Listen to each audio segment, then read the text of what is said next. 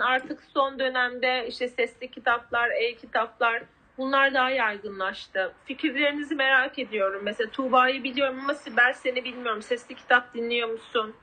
Nasıl verim alıyorsun? Fizikselle farkı nedir senin için? Yani ben sesli kitap dinlemek yerine insanlarla tanışmayı tercih ediyorum. Ondan hayat hikayeleri dinliyorum. Tuğba ya farklıyız bu konuda. Evet. İnsanları konuşturmayı seviyorum. Yani işte anlat hayatını, anlat İstanbul, kendi hayatını, duygularını kaşımak. Onunla bir konu verip atıyorum işte kıskanmak. Kıskanmak üzerine konuşmak. Bana o, o, o sesli kitap gibi insanı dinlemeyi seviyorum. Ee, Tuğba bu konuda belki çok daha farklı bir veri verir. Çünkü o yani beni de özendirmeye çabaladı da ben pek. Çekemedim. Bu dünyaya çekemedim. Ya ben çok ekran karşısında zaman geçirdiğim için e, artık gözlerim kör oluyor akşam olduğunda. E, o yüzden bana sesli kitap çok güzel geliyor. Yani podcast vesaire de dinliyorum da e, Spotify'a verdiğim her kuruş helal olsun diyorum zaten. E, şimdi Audible'da indirdim. O biraz tuzluya geldi. Birkaç ay sonra muhtemelen iptal edeceğim ama Orada da seslendirmen çok etkiliyor ya. Yani çok şahane bir kitabı ses tonu uymayan bir insana bile okutsalar. Yani bu arada seslendiren kişi çok kaliteli seslendiriyor olabilir. Ama ses tonu o ruh haline uymuyordur. Dinleyemiyorum. Rahatsız oluyorum. Diyorum sen okuma ya. Başkası okusun bunu. Ya Ee, da romanda sesli kitap daha iyi oluyor bence. Ee, o hikayeyi anlatan bir insanın olması, aracı bir insanın olması. Ama mesela daha akademik ya da ne bileyim bir tık daha bilimsel ya da bir araştırma şeyi falan olacaksa kopup gidiyorum. Odağımı veremiyorum. Ben de. Ya birinin sana önceden bana çok saçma gelirdi sesli kitap olayı da çok da büyük konuşmuşum. Sevdiğim, ses tonunu beğendiğim bir sana arkadan o hikayeyi anlatması yani büyük lüks. Çok güzel geliyor. Bazı zamanlar çok kurtarıcı. Benim için fark etmiyor. Mesela fiziksel okumuşum, sesli okumuşum. İkisinden de aynı hazzı, aynı verimi alıyorum seslendirme güzelse. Hatta bazı seslendirmeler, eee, şimdi kadının ismini unuttum da Harry Potter'ı seslendiren bir kadın var Storytel'de. Ve Sara. Tilbe Saran. Saran. Ya kadın kitaptaki her karakteri farklı bir ses tonuyla hatırlıyor, hat- anlatıyor ve her kitapta diyelim ki o karakter bir birinci kitapta çıkıyor diyelim, bir beşinci kitapta çıkıyor. Aynı ses tonuyla devam ediyor kadın. Sesten anlıyorsun hangi karakter olduğunu. O kadar muhteşem ki şey gibi radyo tiyatrosu dinlermiş gibi dinliyorum tekrar tekrar. Öyle. Tiyatrocular çok güzel seslendiriyor. Sesten sese girebildiği için, taklitte yetenekleri yüksek olduğu için onların Tilbe Saran'ın ben de bayılıyorum onlara. Yani belki bir gün sen de girersin Sibel. Bu, Ben- yani, bu arada şöyle birkaç ekleme yapayım. Ee, Bizim Türk, Türk kültüründe çok fazla meddahlar, işte Hacivat Karagözler, böyle seslendirmeler, sözlü edebiyat çok zengindir. Hı hı. Sebepleri de aslında çok basit. Yani yazı aslında çok bizim doğa, bizim icat ettiğimiz bir şey. Ama bizim e, doğamıza çok uygun bir şey değil teoride. Wow, yani şu açıdan doğamıza uygun değil. Bilginin aktarımında biz konuşmaya daha meyilliyiz. E, dinlemeye daha meyilliyiz. Görmeye daha meyilliyiz. Görme kısmından evet. Ama yazı çok yalnız. Yani biz bilgiyi tek başımıza genelde öğrenmiyoruz. Yani evrimsel açıdan da hep birileriyle topluluk içerisinde öğreniyoruz. Ama kitap bilgiyi tek başına öğrettiren bir şey. O yüzden aslında bir şey öğrenirken yalnızız ve biraz doğamıza şey hissettirmiyor bizi. Yani iç sesimizle belki konuşuyoruz ama e, biraz öğrenme olayı ya da o hayal dünyasına girme olayı insanın kendisini gıdıklayamaması gibi bence kitap okurken de istediği kadar o o enerjiye giremiyor ama sesli kitap birisi sana okurken başka birisi seni gıdıklayabiliyor. İşte çok güzel ifade ediyorsunuz. Her karaktere farklı ses yapıyor. Evet, sen kafanda bunu yapmaya çabalasan da çok gerçekçi olmuyor. Çünkü sen okuyorsun. Ya da e, o heyecanı, o duyguları çok güzel veriyor ve e, bir şekilde bizim tarihsel açıdan da çok antropolojik açıdan da çok içimizde olan bir duygu. Bir hikaye anlatıcısı var. Oturuyor etrafında insanlar. Bir ateş yakıyoruz. Ve gecelerimizde o hikaye anlatıcısının istersen medda olsun, istersen işte o dönemdeki dini lider olsun anlattığı hikayelerle oyalanarak geçirmişiz. Bir sene, iki sene, iki, on binlerce sene. Şimdi aslında sesli kitap çok arkaik açıdan buna yakın. Birisi sana bir hikayeyi anlatıyor ve sen en iyi ihtimalle artık gerçekten iki kişisin. Yani artık öğrenmeye ve hayal kurmaya daha yakınsın. E, o yüzden yani karşı çıkma ihtimalin yok yani tabii ki. Ama roman kısmını okumada çok e, hani ben dedim ya roman çok okumadığım için belki e, sesli kitabına da çok e, yakın durmuyorum.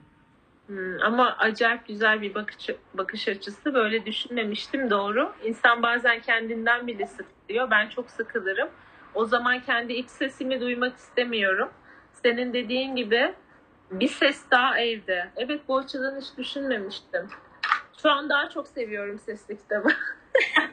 Yok ben kesinlikle mesela ben podcastleri çok e, severim. Çünkü biraz daha kitap okurken hayal gücümü geliştirmesi ya da o duygulara paralize olmak, yani paralel hissetmek için değil de bir şey öğrenmek için okuma eğilimim daha fazla olduğu için atıyorum mesela podcastlerde vardı bir adam mesela e, Philosophize diye bir adam Adam diye birisi böyle felsefe tarihini anlatıyor.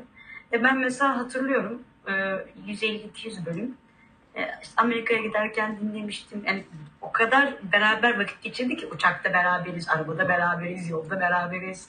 İşte ben yürüyüşlere çıktığım zaman beraberiz. Adam benim arkadaşım gibi oldu artık. Yani hani hakikaten.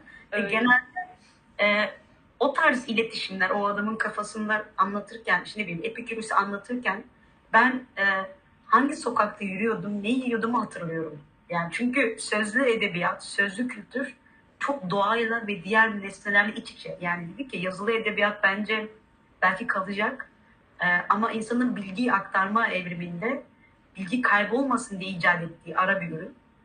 Ee, şimdi görseller başladı, kaydetmeye başladık. Yavaş yavaş yazı işlevini tamamlayan bir e, hikaye olarak kalacaktır hayatımızda diye düşünüyorum. Çünkü e, biraz depresif oldu kitap seven insanlar olarak. Biz bunun Evet. tartışmasını daha önce vermiştik. Yazı biter mi bitmez mi diye. Ee, epey gerilmiştik. Hatırlar Hmm. mısın? Yani şöyle düşün, e, hani çok hızlı bir örneğini vereyim sana. Şu an hiç kaset kullanıyor musun? Kaset yerine daha verimli bir ürün aldı ve artık kasetleri kullanmak ancak nostaljik bir şey haline geldi. Şimdi biz e, video teknolojisi çok hızlı olduğu için bu örnek çok net hayatımızda görebiliyor. E şu an yavaş yavaş en son kalemi ne zaman eline aldı insanlar? Hani sen kalemle mektup yazıyorsun, kalem kullanıyorsun diye insanlık genel olarak e, bunu tabii ki şu an hala mesela plak çalan insanlar da var, plak kaydeden insanlar da var. Ama önceden genel bir kitleydi bu. Şimdi giderek niş bir hale gelmeye başladı. İnsanlar artık bilgiyi dijital ortamda hani yapıyor ya da e, duygularını kelimelerle ifade etmek yerine bir emoji gönderiyor, bir video gönderiyor, e, bir ses kaydı gönderiyor. Evet ben bunu çok düşündüm söylediğini. Yine de dediğin gibi müzikte ve diğer sanatın diğer alanlarında her zaman e, modernlik önce geliyor ve bırak 5 sene önce yaptığımız artık o davranış şekli neyse de müzik dinliyorsak şu an öyle dinlemiyoruz. Ama kitap yine bence geleneksel sisteme en yakın olan daha geç modernleşiyor. Mesela hala bütün bu gelişmelere rağmen çok ciddi bir okuyucu hayır diyor. Ben fiziksel kitabı tutacağım. Mesela Kindle geldi. Kindle patlamadı. Bir Discman'den iTunes'a geçişimiz gibi olmadı Kindle. Kaldı. Gelişmedi. Tabii bu kadar Yine ben de çok içim acıyor. Ya bir taraftan bu kitap edebiyat dünyasına gelen bu modern sistemleri takip etmeye çalışıyorum ama bu beni yine de koparmıyor. Yani korkutacak kadar koparmıyor. Yine aslıma hep bağlı kaldığımı hissediyorum ve bence benim gibi düşünen çok okuyucu var. Ya şu arkamdaki kütüphane olmazsa olmaz. Dediğine yüzde yüz katılıyorum ama biz insanlık tarihi içerisinde bir damlayız şu an yani. Ben biraz Evet. E, şu kesin kitaplar niye var oldu olayı kralların ya da imparatorlukların ya da insanların bilgiyi e, hapsetme ihtiyacı.